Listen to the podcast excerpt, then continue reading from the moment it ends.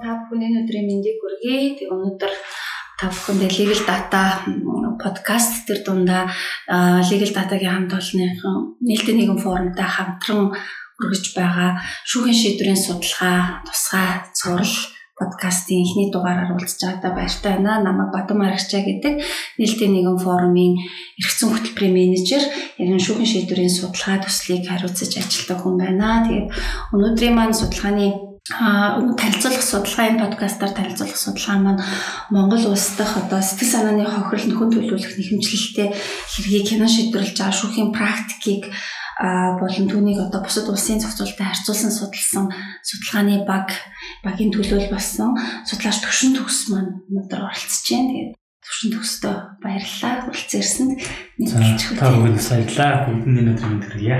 За би энэ бас подкасттай холбоотойгоор товчхон бас та бүхэнд энэ судалгааны төслийн талаар танилцуулъя гэж бодсон юм аа. Нээлттэй нэгэн форум 2018 оноос эхлээд шүүхийн шийдвэрийн судалгаа нийт тэтгэлэг хөтөлбөр одоо хэрэгжүүлээд явж байна. Энэ хугацаанд өнгөрсөн одоо 4 жилийн хугацаанд бид нар 50 гаруй одоо шүүхийн шийдвэрийн судалгаа бол дэмжиж ажилласан байна. Үүнээс одоо бид нар 11 цуурлаар судалгааны ажлуудыг олон нийтэд нийтэлж хүргээд ингээд ажиллаад явж байна. За тэгэхээр өнөөдрийн энэ судалгааны ажил маань манай нэгэн формоос эрхлэн гаргасан шүүхийн шийдвэр судалгаа цувралын дөрөвдүгээр цувралд орсон. Судалгаа маань 2020 онд хийгдсэн. Хэдий ч одоо цувралд маань 2022 оны одоо ихний хагас нийтлэгдсэн. Одоо зарим хүмүүс бол уншаад танилцсан, аль хэдийн танилцсан байгаа гэж бодож байна. Тэгэхээр бас Монгол бас эрх зүйн орчинд нэлээд тийм шинэлэг зохицуулалтууд практик шүүхийн шинийн практикт бас идэвхтэй эрчтэйгээр орж ирж байгаа нэг шинэ практикийг танилцуулах байгаа. Тэгэхээр судалгааны багт маань төвшин төгс ахлагчтай ган хүрэл зоолцоо лам цэрэн гэсэн судлаач нар бол ажилласан байна.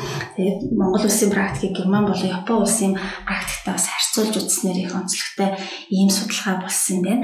Тэгээд судалгааг бол манай Нянцайхан доктор багш одоо шүүмж бичиж боловсронгуй болоход дэмжлэг үзүүлсэн бөгөөд тухайн одоо тайлан нийтлсэн энэ дугаарыг маань манай редакцийн зөвлөлийн гишүүн судлаач бэлгүүн болоос хариуцаж комент өгч ажилласан ийм судалгаа байна. За судалгаатай холбоотой бол товч танилцуулга юм байна. Тэгэхээр зурж ирсэн зочноос гол асуулт руугаа орё гэж бодож байна. Тэгэхээр эхний асуулт бол ерөөсөө бас хүмүүс сонирн байж магадгүй. Яг сэтгэл санааны хохирлоо эргэж юу хэр их нэхэмжилж шууд ханддгийн шүүхийн практикийн хувьд одоо хэр нийтлэг байдгийг энэ талаас нэг бид нарт ойлголт өгч гэж хүсэж байна. За иргэдийн хувьд бол энэ сэтгэл санааны хохирол нэхэмжилж байгаа тохиолдол яг их байдаг. Ер нь л яг яг дээж үгээс гаргаж байгаа ч гэдэг юм уу шүүхийн иргэн зүйлээс гаргаж байгаа шүүхийн сургалт судалгааны төвс гаргаж байгаас яг энэ тоон судалгаанаас харах юм бол ихэнхдээ бол нөгөө бусдын нэр төр алдар хүнд ажлын нэр хүндтэй холбоотойгоор өчөж байгаа сэтгэл санааны хохирлыг хэмжилж байгаа гэдэг дээр л статистик тоо гарч байгаа гэсэн үг. А бусдаар бол яг эрүүгийн хэрэг дээр ч гэдэг юм уу яг иргэний хэргийн нийт хэргийг бусад хэрэг дээр сэтгэл санааны хохирол гаргаж байгаа юу гэдэг дээр бол ерөөсөө тийм тоон баримт гараагүй. Бидний бол судалгаа хийж байгаа үед бол яг юу гэдэг гурван хөлөөс ер нь бол нийт иргэний нэмэлт. Эрүү дээр бол яг тухайлан тэгж сэтгэл санааны хохирол яг үе эзэлж байна гэдэг дээр бол одоо тоон судалгаа гараагүйсэн. За иргэдийн хувьд бол яг яад энийг нэхэмжлэх болж юм ер нь сэтгэл санааны хохирлыг нэхэмжлэх шаардлага өөрөө юу юм бэ гэхээр хамгийн гол асуудал нь бодит хохирол өөр очиж байгаа шүү дээ. Иргэнд аливаа гэмт хэрэгээс ч юм уу, гэрээний үеийн зөрчлөөс ч гэдэг юм уу эсвэл босод зуршлуудээс ч гэдэг юм. Тэр нөгөө учирсан хохирол нь өөрөө яг нөгөө тухайн хувьд авь их байгаад идэв. А гэтэл яг манайх бол өөрөө бодит хохирол нь юу гардаг вөхөр ер нь бол за жишээлбэл тухайн хүний 8 нас одоо хохирлоо гэж батхад бол оршуулгын зардалч гэдэг юм уу тийм. За хүүхдүүд дээр тэтгэмж ч гэдэг юм уу иймэрхүү зүйл гарч байгаа. А гэтэл цаана яг үлдчихэж байгаа гэр дээр нөөр байдлаар одоо хохирол юм үлдэхүү гаргуулж чадахгүй гэдэг асуудал байхгүй учраас ихэнх тохиолдолд иргэд яг эрүүгийн иргэд төр ялангуяа бол сэтгэл санааны хохирлыг гаргуулъя гэдэг байдлаар гаргадаг. За тэгвэл практикаас харахад бол шүүгийн шийдвэрийн судлаад үзэхэд юу харагддаг вэ гэхээр яг сэтгэл санааны хохирлыг хэдэн төгрөг хэмжилж байгаа нь яг ямар шалтгаан улмаас те яг ийм төгрөгийн мөнгө болоод байгаа юм бэ? Ямар тооцоолоор бодож гаргасан юм бэ гэдэг дээр бол тайлбар өгч чаддаг. Ихэнхдээ л ер нь бол яг одоо толгойд бодсон тоогоо гэх юм уу тэр тоогоо хэлээд сэтгэл санааны хохирол хэмжлэлээ гэдэг үгээр гаргадаг. А ер нь сэтгэл санааны хохирол гэж юу юм бэ гэдэг гэдэг асуудал яригдаад байгаа. Энэ бол өөрөө бас нэг асуудал бусад хохирлоос яг юу ялгаатай ингээд. Тэгэхээр нэг ялгаатай асуудал бол энэ илүүтэйгээр хүний нөгөө сэтгцэн эрүүл мэндийн асуудлыг хүнддэг юм хохирлын асуудал. Тэр нь юу авах гэхээр одоо юу гэдгийг тухайн асуудлаас болоод тийм үү хууль бус бусдын хууль бус үйлдэлээс болоод нэр төр алдар хүндээ гутаанд оромжлууллаа гэж бодоход нөгөө хүн чинь юу гэдэг олон нийтийн газар явгаас ичдэг ч юм уу тий эсвэл олон нийтийн газар дахиж явхаасаа санаа зовдөг тийм байдал орохыг хүсэхгүй болдог ч юм уу тэр нь даамжлаад нөгөө нэг тэр айц төгшөрийг бий болгож байгаа бол энэ өөрөө сэтгэл санааны хохирлын хэлбэр болж явж идэг. За нөгөө талаар бас хамгийн их тохиолддог одоо практик дээр гарч байгаа кейс үл өөрөө бага насны хүүхдийн нөгөө бэлгийн халдч байдлын сэргэм төрөлтэй гадаг. Энэ дээр бол одоо Солонгос улсад ч кейсүүд маш байдаг, эмтэй ихсэн кинонууд ч их байдаг. Бага насны хүүхд бол илүү тэрнээс нөгөө сэтгэл санааны шок гэдэг юм авдаг учраас олон нийтэд өөрийгөө илэрхийлэх эрэгтэй хүнээс айхч тийм үү тэгээ хаалга гэдэг хүчтэй хаагдах ийм чимээс айхч тийм үү энэ байдлаар өөр маш их байдлаар ийм сэтгцэн эрүүл мэнд бол их асуудалд ордог. Энэ зэргээр бол энэ сэтгэл санааны хохирлтыг бол өөр хэлбэржиж ингэж одоо бийжиж шүүхт бол яг энэ байдлаараа бол хохирлыг харуулах практик байна гэж харж байна. Монгол улсын шүүхэд одоо яг энэ хэрэг маргааныг авч үзэхдээ одоо хэрэг маргааны хянан шийдвэрлэхэд нь яг тулгамдж байгаа асуудал нь юу вэ? Яг одоо энэ хилээд байгаа бид нарын энэ сэтгэл санааны хохирол гэдгийг одоо тодорхойлж байгаа тийм хууль эрх зүйднээс тодорхойлсон зүйлс байдаг юм уу? А ямар баримт бичиг юунд тулгуурлаж энэ сэтгэл санааны хохирол мөн байна биш байна гэдгийг үнэлдгийг. Тэгээ дээрэс нь нөгөө хохирлын хэмжээг нь тодорхойлох ч гэдэг юм уу? Ер нь одоо шүүхийн зүгээс энийг шийдвэрлэхэд одоо ямар сорилтууд тулгардаг юм бол ямар бэрхшээлүүд байна? Ямар одоо асуудлууд те проблемэндээс байна гэж судалгааны үндсэн дээр бас гаргаж ирсэн баг те. Ер нь бас нөхцөл байдал ямар байна? За ямар ч хэсэг одоо юу гэдгийг материалын хэм хэмжээний талд гэх юм уу те? Яг манай Монгол улсын хууль эрх зүйн орчны хувьд гэвэл нэгдүгээр асуудал байна. Тэрэн дээр ямар асуудал байгаа гэхээр манай үндсэн хууль дээр бол яг үндсэн хуулийн 16-гийн 14 дээр бол учирсан хохирлоо нөхөн төлөвлөх хэрэгтэй гэж заасан Тэгэхээр тэрний юу хэлээд юм гэхээр бид нар бол өөрт учирсан хохирол буюу тэр сэтгэл санааны хохирлыг хэмжлэх хэрэгнүүд нээлттэй байгаад идэг. Тэгээ иргэний журмаар ингээд хэмжил гаргаад ханддаг. Тэгэнгүүт манай иргэний хууль дээр нэг асуудал байгаа нь юу нэхээр бид нар анх бол энэ иргэний хуулийг 2002 онд батлахтаа бол бид нь Германы их зүйн зохицуултуудыг илүү таарсан. Гэхдээ тухайн үед бол Герман бол өөрөө юу гэдгийг бас өөрөө 1900 оны 1 сард батлагдсан иргэний кодексоо бас үүргийн их зүйн шинжлэх ажил яг тухайн үед буюу 2000 хоёр хонд явагдаад хийгдсэн байдаг. Тэгэхээр бид нар тэрнээс өмнөх хуулийг нь одоо нэгсэн тус судалж исэн гэсэн үг л гоо шүү дээ. Нэмэлт өөрчлөлт орохоос өмнө. Тэгэнгүүт тэрний нэг асуудал нь юу байсан гэхээр ерөөсө бодит учирсан хохирлыг л гаргуулах гэдэг ийм үзэл баримталтай хийгдэжсэн. Тэгэнгүүт манай иргэний хууль ч гэсэн өөр яг тийм концепттой одоо хүртэл явж байгаа. Тэр нөхөр ерөөсө бодитоор учирсан хохирлыг хэмжлээ. Тэгэхээр тэр нь ямар хохирлууд байгаа вэ? Одоо жишээлбэл түрүүний хэлсэн нөгөө хүний аймнаас хохирох юм бол оршуулгын зардалт тэтгэлэг тэтгэмжийн асуудал ярив. А тэнгууд баримтаар нотолж байгаа. Тэгэхээр санхүүгийн баримтаар нотолж байгаа. Яг ийм үнд ийм ийм баримтаар харагдаж байна гэсэн. Тэгээ одоо нөгөө сэтгэл санааны хохирлоо гаргахыг гингүүд баримт чинь хаана юм бэ гэдэг асуудал нэгдүгээр татлах баримтын хүрээнд бол ажиглагдаж байгаа. А хоёрдугаарт нөгөө түрүүний ярьсан хууль хэрэглээний асуудал буюу бид нар бас одоо иргэний хуулийнхаа яг ерөнхий ангийн нөгөө хохирол нөхөн төлөвлөх хэлбэрийн асуудал дээр болохоор зөвхөн хууль тусгаалan заасан тохиолдолд одоо сэтгэл санааны хохирлыг мөнгө хэлбэрээр нөхөн төлөвлөнэ гэдэг яаж төлөх хэмээн хэмжээний асуудлыг зохицуулсан.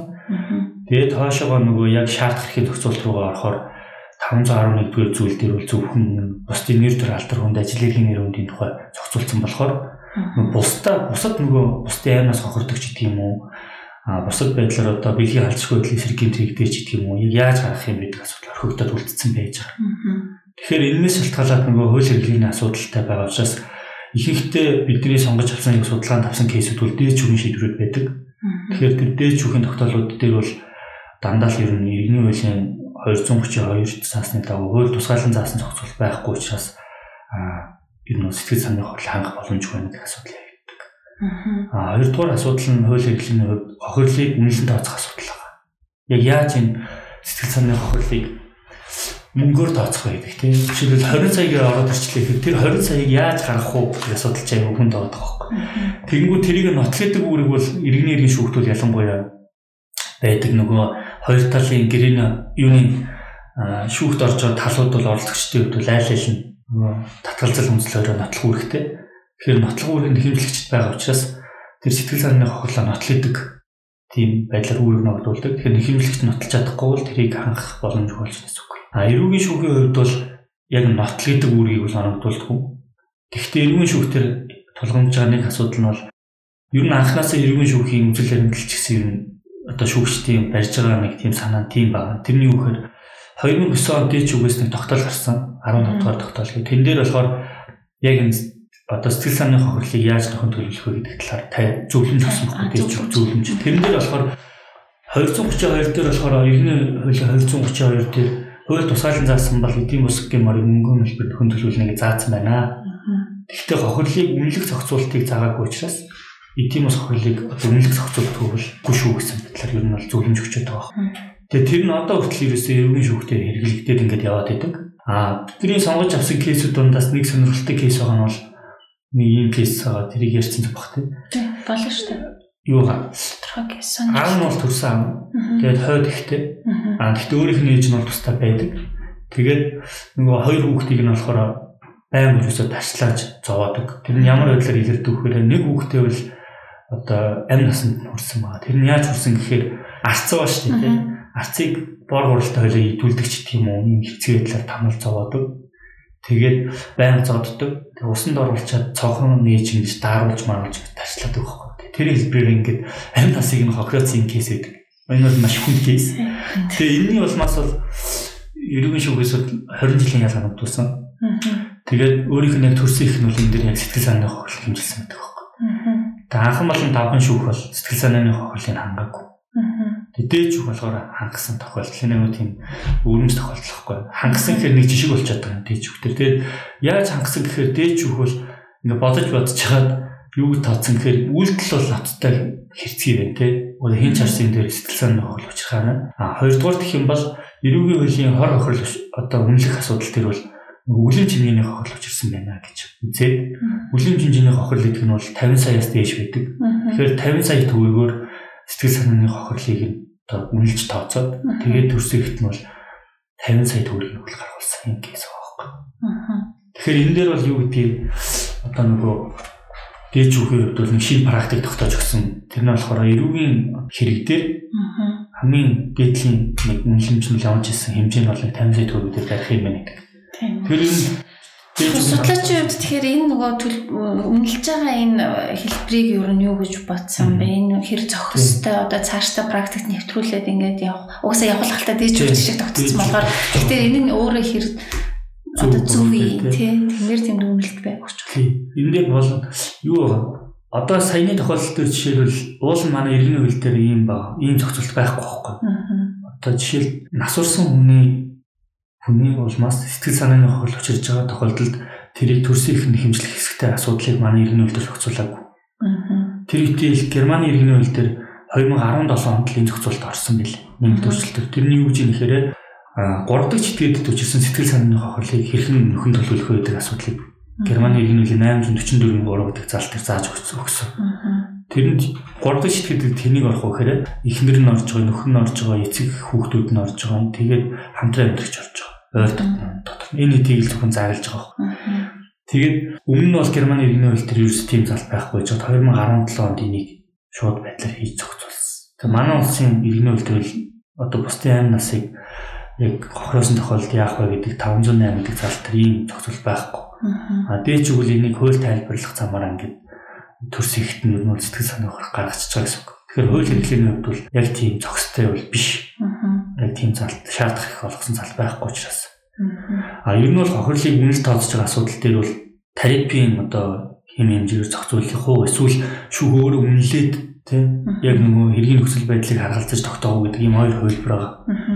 Тэгвэл ихэнх тохиолдолд бусад улсууд бол иргэний иргэн маргаан дэр бол нөгөө шүүх өөрөө тогтоох ер нь хэргийн нөхцөл байдлыг хараагаад шүүхний нийтлэг байдлаараа практик тогтоогоод тэр практикаас хэрэглээд явна гэсэн. Саяны ярьсан тэр одоо шийдвэр дээр үлдээж үг 50 саяыг тогтоож байгаа нэг талаараа шүүх өөрөө л тэрийг үнэлт тогтоож байгаа хэлбэр. Аа сая батлагдсан шүүх шинжилгээний тухай хууль дээр бол дээд шүүх одоо тариф тогтоох юм зохицуулт орсон байна.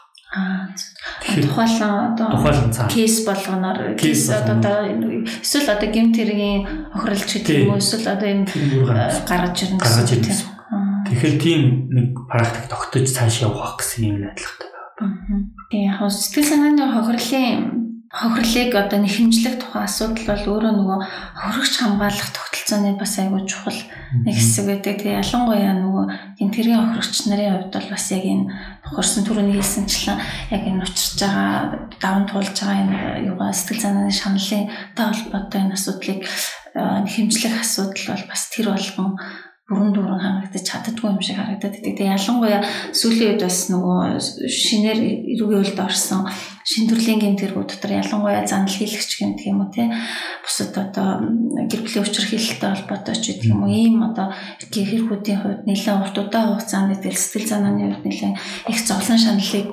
эдэлсэн ийм тохиолдлуудад бол бас энэ практиктас читрээд ороод ирэх юм бол хөрөштэй үед бол хамгааллыг илүү бэхжүүлэх энэ боломжтой зохицуулт юм болов уу гэж бодоод байдаг. Тэгэхээр яг ийм тохиолдол ер нь одоо цаашдаа энэ шүүхэд сая одоо бас тодорхойгүй зүйл нэлээд олон байлаа шүү дээ тий. Энэ дээр хуулийн зохицуултыг тодорхой илүү тодорхой болгох шаардлагатай гэж ойлгож болох уу? Тэгэхээр судалгааны хувьд яг энэ хууль тогтоомжийг боловсронгүй болгох тал дээр ямар зөвлөмжүүд өгөө? Одоо ер нь Монгол улсын хэмжээнд бас яг энэ хууль тогтоомжийг яг илүү наривчлах тал дээр ямар алхмууд хийгдэж байна? Ямар нааштай алхмууд хийгдэж байна?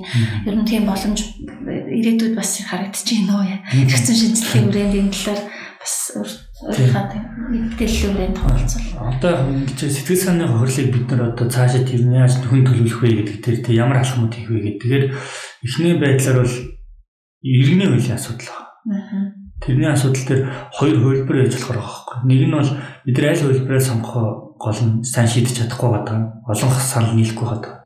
Эхний асуудал нь бол одоо манай иргэний хууль төр бол зөвхөн хууль заасан тохиолдолд сэтгэл санааны хуулийг одоо мөнгөөр хүн төлөвлөх юм зохицуулт байгаа. Тэрний үхээр зөвхөн хуулиар тодорхой хэмжээний зохицуултыг хийж өгч иж тэр тохиолдол бий болж иж сэтгэл санааны хууль гардаг тийм нэг одоо байдлаар зохицуулна гэсэн үг. Тэхийн тулд бид нар 232 гэдэг залтаа хэвээр нь үлдээгээд 230-ийнхаа 3 дээр ч юм уу одоо герман шиг байдлаар хийх юм яах. Ер нь бол тэр нөгөө эдийн бус яг хууль тусгаалan зааж байгаа зөрчигдөж байгаа их ашиг сонирхлоор нь хүрээг нь өргөтгөж тавина гэсэн үг. Германд бол жишээлбэл одоо аймнаас эрүүл мэнд бусдын эрх хэрэгчлөө бэлчгээ бэлгийн халдчихгүй байдлын эсрэг гэсэн ийм ер нь тохиолдлуудыг тусгаалan зохицуулаад тавьсан байна. Тэгэхээр тэр байдлаар нь бид нэр өргөтгөж тавьж бол. А эсвэл нөгөө хөлбөр нь юу вэ гэхээр бүр өргөтгөж тавьж хөлбөр буюу 232-ыг ерөнхийдөө байхгүй болгоод хүчинг болгоод гэсэн. Тэгээд тусгай ангид заасан 511 гэдэг юм эсвэл 497 гэдэг заалтаа сайжруулж өргөжүүлж зааж өгөх шаардлагатай болж байна гэсэн. Ийм хоёр хөлбөр байгаа. Аа үнэлэг зохицуулалтын хувьд бол мэдээч хэрэг иргэнлэг их зүүн тогтолцоотой гэх юм уу яг манай одоо энэ эдийн засгийн нөхөн төлөвлөж байгаа бус тусуудын жишгийг харах юм бол бид нар бол одоо нэг тариф тогтоох эсвэл шүүх өөрөө тэрийг одоо нөхцөл байдлыг хэргийн нөхцөл байдлыг үнэлээ тогтоох гэсэн ийм хоёр хөлбөр айл нэгийг сонгох шаардлагатай болж байна. А яг шилжилтийн үе дээр бид нар явж байгаа учраас ер нь бол айл тарифыг тогтоож явж байгаа. Тэгээ тариф бол шууд бүх тохиолдлыг зааж өгч чадахгүй. Гэхдээ шүүх тэр нөхцөл байдлыг харгалзаад хэрэгжилж болохуйц тэр нөхцөл байдлыг шүүгч санал болгож байгаа учраас хууль эрхлэлийн үед манай төлөө тохирно гэж ер нь бол харж. За. Эхний нөгөө хоёр зохицуултын хувьд бол аль хөлбөрийн их судлаач юу танаа баг юм ямар алийг нь илүү дэмжсэн бэ? 561 юу 230 Бид нар болохоор 232 дээр хууль тусгаалan гэж заагаад тэгээд доор нь нөгөө хамгаалагдчихж байгаа зөрчиг болох үс ирэх шиг сонирхлыг нь өргөдгөө тавь гэсэн байр суурьтай байгаа. Аа за. Тийм. За тэгэхээр цаашаа эрүүгийн хууль тогтоомжийн хүрээнд юм эрүүгийн хууль тэгээ эрүүгийн хууль дээр болохоор эрүү иргэн гэдэг ийм хоёр салбар хэрэгцээ байгаа тийм тэгмүүд манай эрүүгийн салбар хэрэгцээ чи өөрөө иргэнээс бас аюу өөр болж чадах. Тэрнээс шалтгаалаад бас асуудлууд гарч байгаа.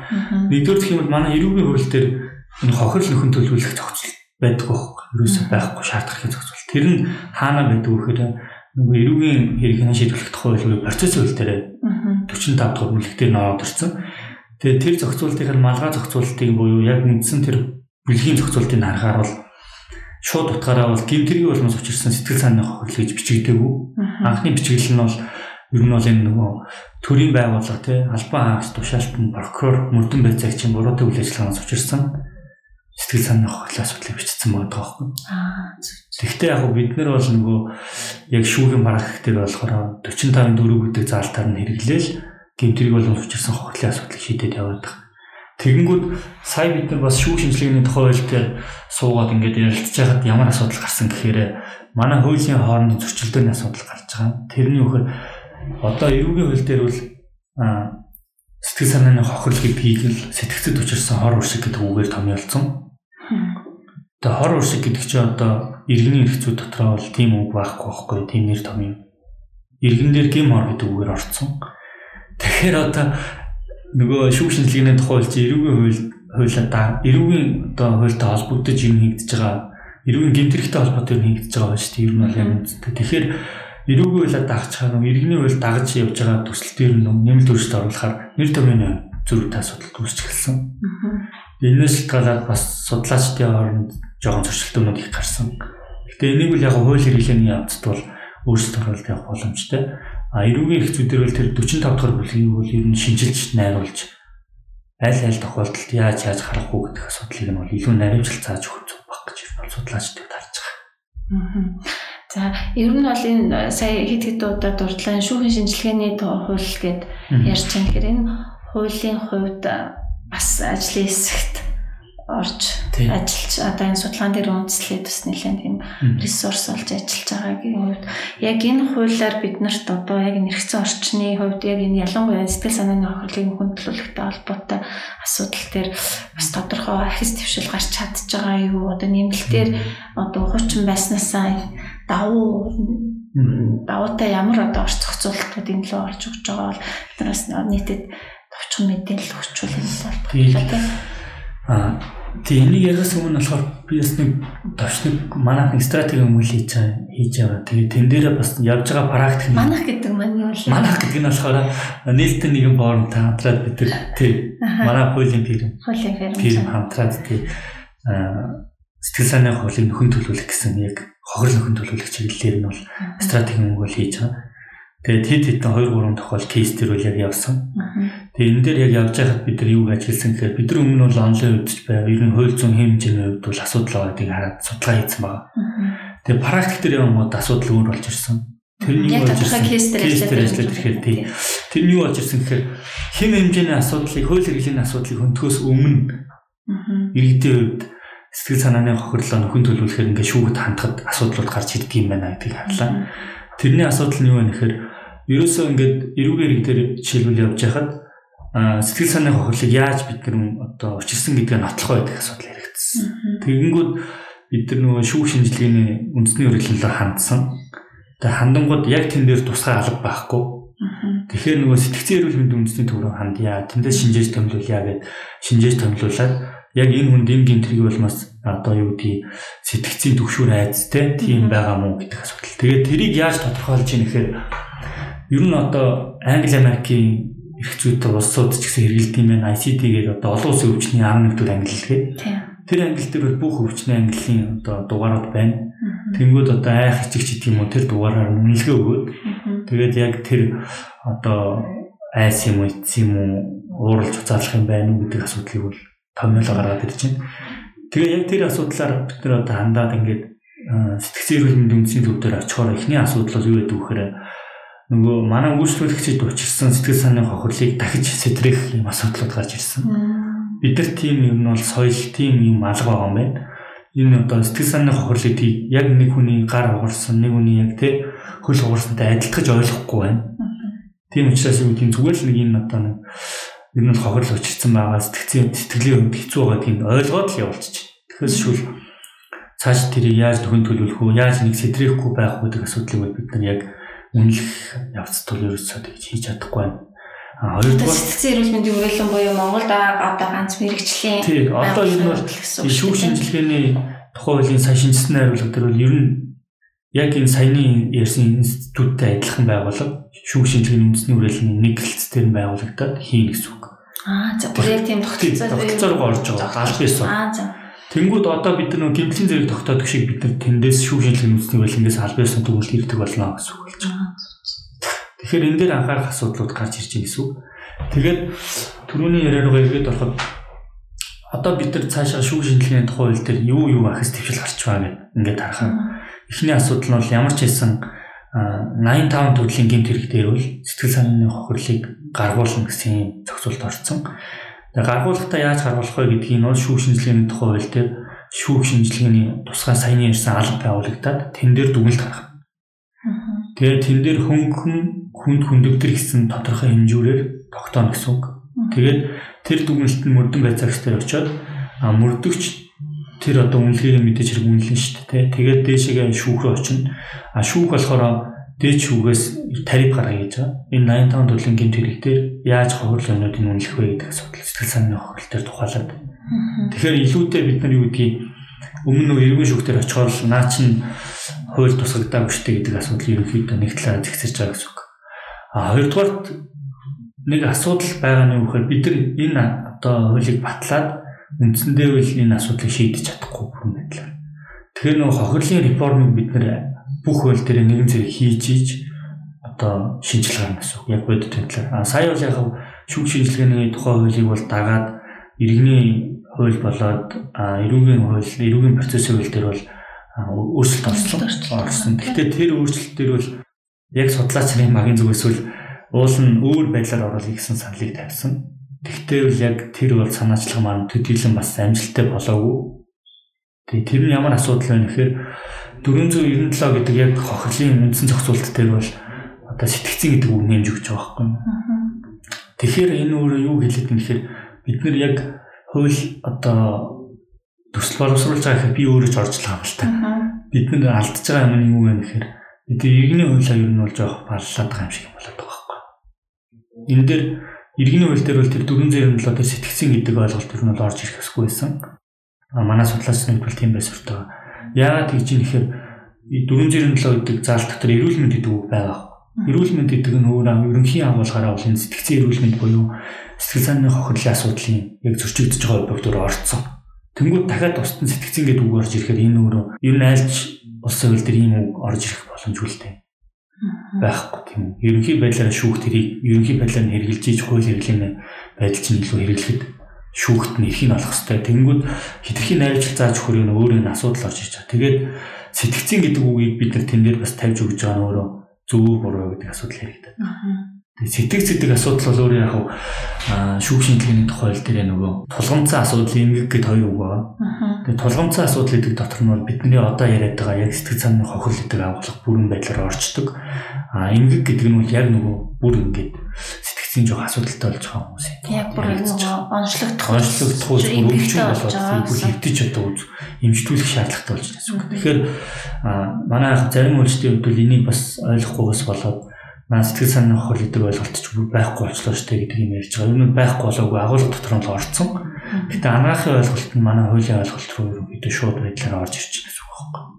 Яг хуулийн ойлголт нь бол бид нар дээр орж ирээгүй. Хууль дээр орж ирээгүй гэсэн үг. Хоёрдугаар асуудал нь зөвхөн гэмтрийн улмаас учирсан сэтгэл санааны хохирлыг бас гаргах гэж байгаа юм шиг юм болчихлоо. Тэгэхээр яг миний хэлэх гээд байгаа нэг санаа нь эхний нэг алхам нь бол бид нар ямар ч гэсэн гэмтрийн улмаас учирсан сэтгэл санааны хохирлоо бол нэг талтаа бол бас шийдвэрлэх боломжтой болж байгаа ч гэсэн нөгөө талаараа иргэний журмаар хандж байгаа тохиолдолд бид нар бол гим орны асуудал дээр реформ хийж чадсангүй л гэдэг юм жоох дутагдaltaй тал ажиглагдж байгаа. А гэхдээ тэр нь бол одоо цаашдаа хийгдэх реформыг бол зогсоосон гэсэн үг бол биш үү? Тэгээд энэ бол стил нээлттэй байгаа гэсэн үг тийм. Бид нар яг ажлын хэсэг дээрээ ч ярьж байхад юу гэж ярьсан хэрэг цаашдаа энэ реформыг хийх юм байна гэдэг юм байр суурь төр нэгдсэн. А тэгээд иргэний үйл дээр орсон нэг зүгээр авууштай юм юу гэхээр бид нар бусдын амь насыг бол ерөөхдөө одоо бусдын амь нас хохирсон тохиолдолд төрсөн хүүхдэн ч гэдэг юм ойр дотны өмнө нь бол шууд байдлаараа бол мөнгөний хэлбэрээр бол хохирлоо гаргах боломжтой болчих. Тэрний үг болж ирэхээр одоо нөгөө хөдөлмөрийн өсний доод хэмжээг 150 дахин нэмэгдүүлж байгаа хэмжээгээр авах тийм. Тэгээд хэрвээ одоо нэлийн настай хүн байлаа гэж бодох юм бол бид нар тэрийг нөгөө насныхан дундч хэмжээг бодоод үржүүлэх хэлбэрээр олгож байгаа. Тийм байдлаар ч гэдэм үү шууд хэлбэрээр хохирлол гарах боломжтой болсон гэсэн. Ямар ч байсан бид нар нөгөө тодорхойгүй байсан хин шийдэх хэвээр, хин тооцох хэвээр, хин тэрийг тодорхойлох хэвээр, ямар хэмжээ тарифаар явах хэвээр гэдэг бүр наад захын асуултуудад ямар ч байсан хариулттай болцсон байна тий. Энэ бол маань хизээ сэргэж эхлэх юм. Уул 2023 оны 1 сарын 1-ээс одоо хэрэгжиж одоо хэрэгжиж эхэлж байгаа юм байна тий. Тэгэхээр за ямар ч байсан ийм шинэ хууль гарсан бид нар бас сонсож байгаа хүмүүс маань бас яг энэ талаар шүүхэд хандах ч юм уу ийм нөхцөл байдал үүссэн бол бас хэрэглэх боломжтой байна шүү гэдгийг хэлхийг хүсэж байна. За тэгэхээр яг нь ер нь мэдээж ялгын хууль тогтоомжийн шинжилэл хууль тогтоомж гэдэг бол өөрөө нөгөө амьдралд хэрэглэгдчихэж нөгөө шүүсэн шахагдаж яг ингээд зохистой байдал руугаа ороод явдаг. Тэгэхээр нөгөө альва шинтгэл гэдэг бол нэг удаагийн шинжтэй биш үргэлжлсэн байдлаар явж байдаг тийм. Тэгэхээр энэ удаагийн энэ шинтгэлийн үйл явц ч гэсэн цаашдаа улам боловсронгуй болох. Магадгүй энэ одоо төрүүлээд хэрэгжээд явж байгаа энэ хууль тогтоомж маань дараа дараагийн шинтгэлийн үйл явцад илүү бас сургамж өгж өгөөд ингээд явах болов гэж найдаж байна. За тэгэхээр одоо миний хувьд бас нэг асуух гээд байгаа яг энэ хүрээнд асуух гээд байгаа зүйл нь юу гэхээр одоо энэ бас манай энэ судалгаа бол нэлээд бас боломжийн томоохон судалгаа яг хэвлсэн утсыг харах юм бол 80 нүүр судалгаа байгаа. Тэгэхээр энийг бас нөгөө сонсогчноос яаж ивэл сонирхч ивэл бас манай энэ подкастны линкт танилцуулга дээр тавигдсан линкээр ороод дэлгэрэнгүйгээр нь танилцах боломжтой. Тэгэхээр энэ нөгөө судалгаа руугаа эргээд ороход яг энэ судалгааны гол үндсэн дүгнэлт одоо асуудлыг одоо түрүү ярьсан олон асуудлууд бол зөвхөн судалгааны бас та бүхний өмнө хийсэн бусад одоо стратегийн өмгөл зэрэг олон ажил дээр үндэд ирж байгаа. Тэгэхээр яг энэ судалгаа руугаа эргээд ороход энэ судалгааны маань гол одоо яг энэ чиглэлийн судалгааны хүрээнд оруулж ирж байгаа шинэлэг зүйл нь юу байна? Одоо гол дүгнэлт маань юу байв? Тэгээд энэ маань өөрөө та нарын өгсөн дүгнэлтийг түрүүний хэлхийг одоогийн хийж байгаа бодлогын шинжилгээний хүрээнд тусаж чадвуу. Аа тэгэхээр нөгөө шүүх одоо шийдвэр гаргахдаа анхаарах гол асуудлууд яг юу вэ? Шүүх ямар зөвлөмжүүдийг гаргаж өгсөн бэ гэдгийг нэг жоохон тодруулаад ярьчих. Бас шүүгч нар маань сонсож байгаа гэж найдаж чинь тий. Тэгээд аа манай судалгаар ерөөсөө үндсэндээ бол энэ шүүгийн шийдвэр дээр толгуурлаад дүгнэлт өгж байгаа гол асуудлыг хөндөж байгаараа ер нь бол хамгийн тодорхой судалгаа гэж хэлж болох. Ер нь бол бид нар нэг тийм актер энэ дээр бол бүр онлын хэсэг нь 70% ч 30% практик судалгаа биш. Бараг практик нь 70% онлын 30% гэж хийгдсэн судалгаа.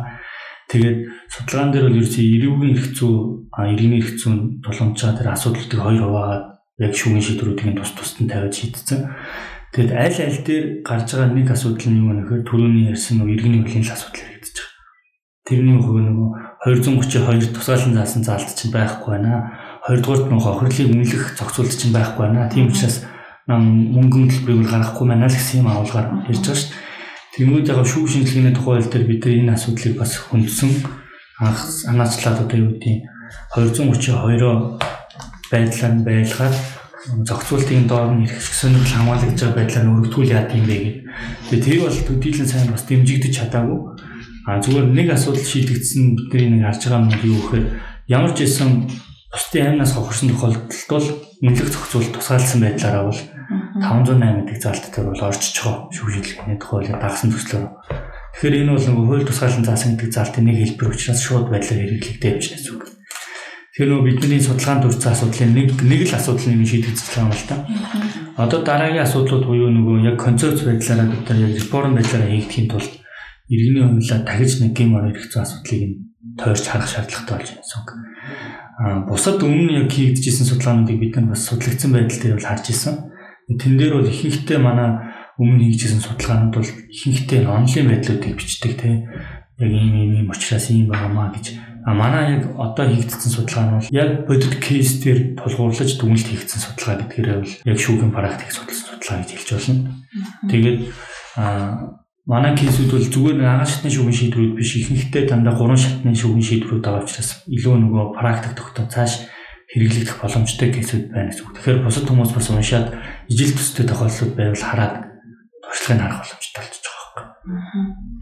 За баярлалаа. Энд шүүхийн шийдвэр нэгэн судалж байгаа. Тэднээс шүүхийн шийдвэрийг илүү боловсронгуй болгох чанарыг нь дэвшүүлэхэд манай энэ нөгөө судалгаанууд маань хувь нэмрээ оруулаасаа гэж бодож байгаа. Судлаачийн хувьд яг энэ судалгаа хийж байгаа явцад шийдвэр уншиж байгаа шийхэн шийдвэрүүдийн бичигдсэн байдал дээр ер нь ямар сэтгэл төрж исэн бэ? Зүгээр бас нэг э, сонирхолтой байж магадгүй судлаа хөндлөнгөөс ингээд анализ хийхэд хэр одоо оновчтой зөв бичигдэж хуулийн шаардлага хангасан байдлаар бичигдсэн байсан бол зөв нэг давчхан тэрэн дээр дүгнэлт өгөх энэ нөгөө яг эргийн ирүү ирчүүл өөр бичигдэж байгаа шүү дээ.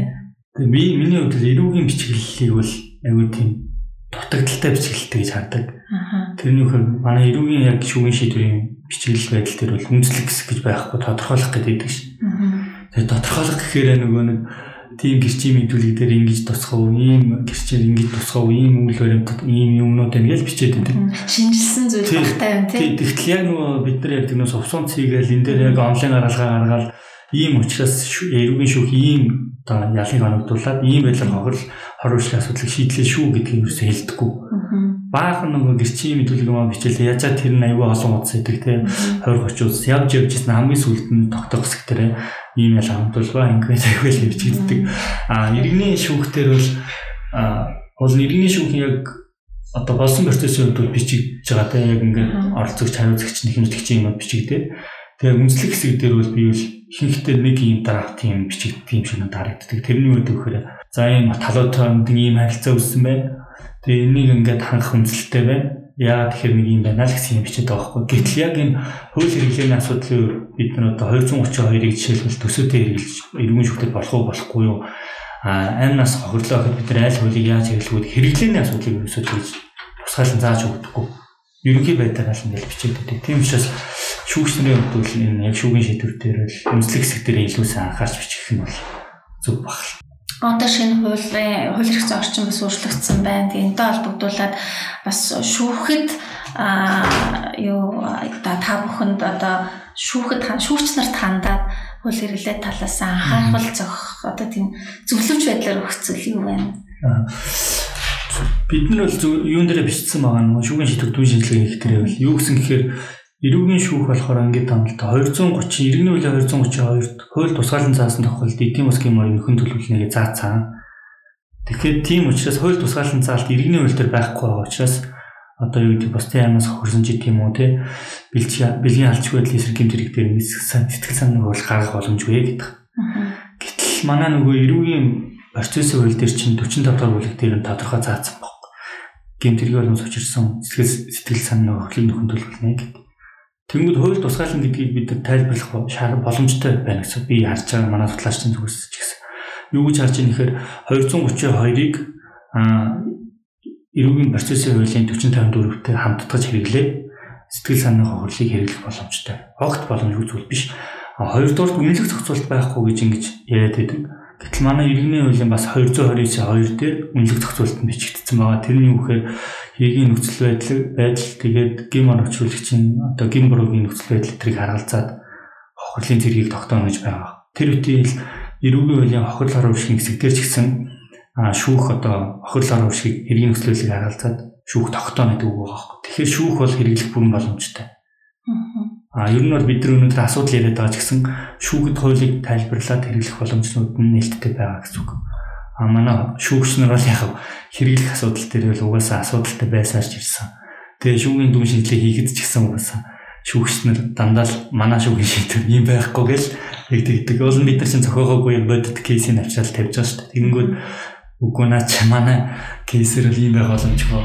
А манай шүүх бол юм байхгүй гэл ингээл шүүх өмөрдөх хөхгүй. Тэгэхээр ер нь бол шүүхийн бодит байдал нь бол яг юм байгаа.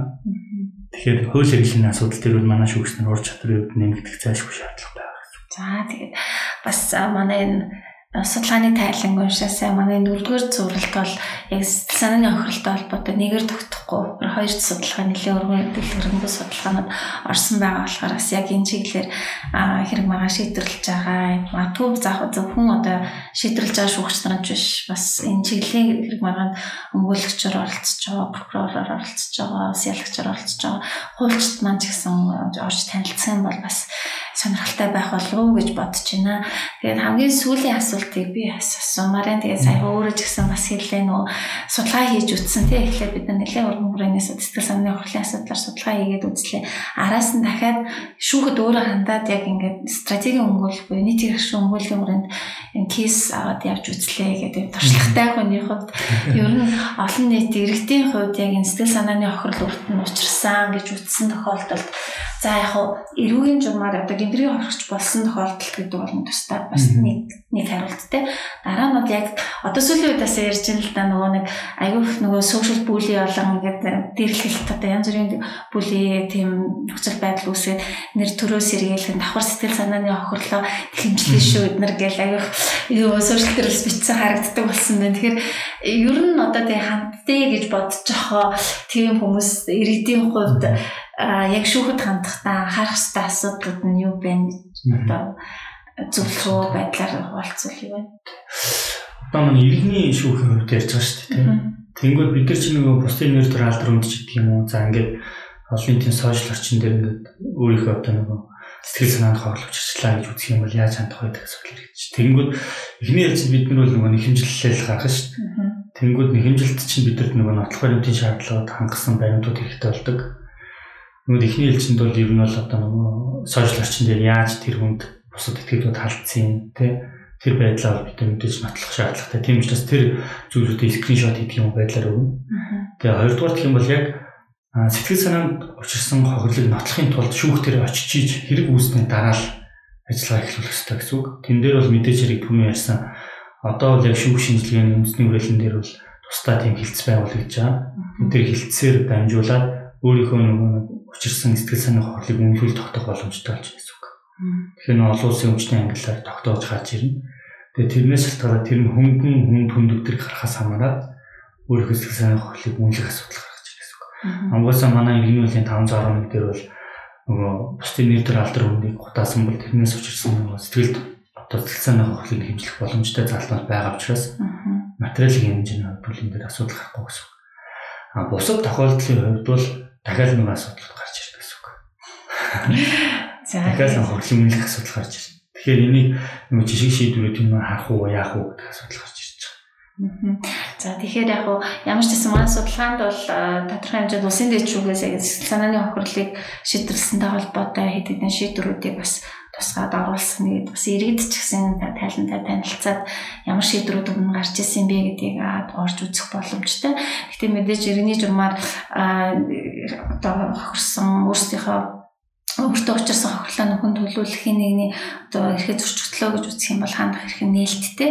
Тэгэхээр мэдээж хэмжилт бол нөгөө ямар үйлдэл эсвэл тэр өөрийнх нь хувьд одоо тийм зовлон шаналлдүүлээд одоо сэтгэл зүйн хувьд юм шанал үүсгэсэн бэ гэдгийг үйлдэлээ нотлох юм байна тий. Тэгээд тэндээс үүссэн ямар нэгэн хохирол байгаа гэдгийг бол ямар нэгэн байдлаар одоо баримтжуулж нотлох арга гарч ирж байгаа юм байна. Тэгээд шинээр батлагдсан шүүхийн шинжилгээний тухай хуулийг бас сонирхож үзэж болохоор яг эрүүгийн хуулийн эрүүгийн хэргийн хохирогчдод илүү хамааралтай гэж үзэж байгаа юм байна. Тэгэхээр тэндэр бол иргэний журмаар явж байгаа хүмүүс хандаж одоо э, шинжээч нүгэлт гаргуулах боломж байхгүй тийм. А иргэний журмаар гаргуулж болно. Аха. Гэхдээ нөгөө нэг үнэлэх асуудал дахиад яригдчих. Үнэлгээний асуудал чинь манай шүүх шинжилгээний тухай дээр чинь 85 төрлийн гэмт хэрэг дээр зөвхөн тэр үнэлэх асуудлын орц учраас тэр нь иргэний шүгтэр төвөгтэй болж ирж байна. Тэгэхээр нөө иргэний асуудал дээр бол реформ дахиж хийх шаардлагатай. Гэхдээ энэ чинь одоогийн байгаа хуулиараа бол тэгэхээр хандах стил нээлттэй. Гэхдээ шүүгчийн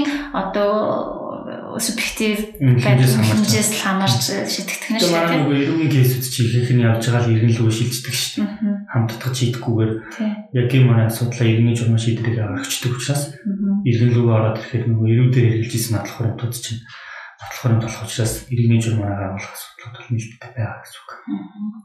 За баярлалаа. Тэгэхээр та бүхэн маань бас өнөөдөр энэ сэтгэл санааны хохиролтой холбоотой асуудлаар хийсэн судалгаан дээр үндэслэн мэдээллийг өнөөдрийн битэрийн харилцан ярианаас бэлдэж авсан байх гэж найдаж байна. Тэгээд төвшин төгс судлаачдаа маш их баярлалаа. Тэгээд зөвхөн судалгаа хийх биш яг энэ чиглэлээрээ бас нийт эрх ашгийг өмгөөлөх цаашлаад бас бодлогын шинжилгэлд хувь нэмрээ оруулах зэрэгээр бас их сэтгэл зүтгэл гаргаж ажиллаж байгаа танаа хамт олон танаа судалгааны багийнханд бас баярлалаа гэж хэлмээр байна. Тэгээд цаашдынхаа ажилд амжилт хүсье. За баярлалаа. Та бүхэндээ баярлалаа. Манай судалгааг дэмжиж бас ингэ санхүүжилж чадах баярлж байна. За ингээд цаашдаа бид оюуны ноос төрөмс байгууллаа Legal Data подкастын хамт олонтой хамтраад цуврал байдлаар бэлтгэн хүрэхээр бэлдэж байна. Тэгээ та бүхэн бидэнтэй хамт байгаарай. 7 хоног болгон шин тутам судалгаан зөвөрлсөн мэдээлэл подкаст сонирхолтой ярилцлагаар уулзах болно. За баярлалаа.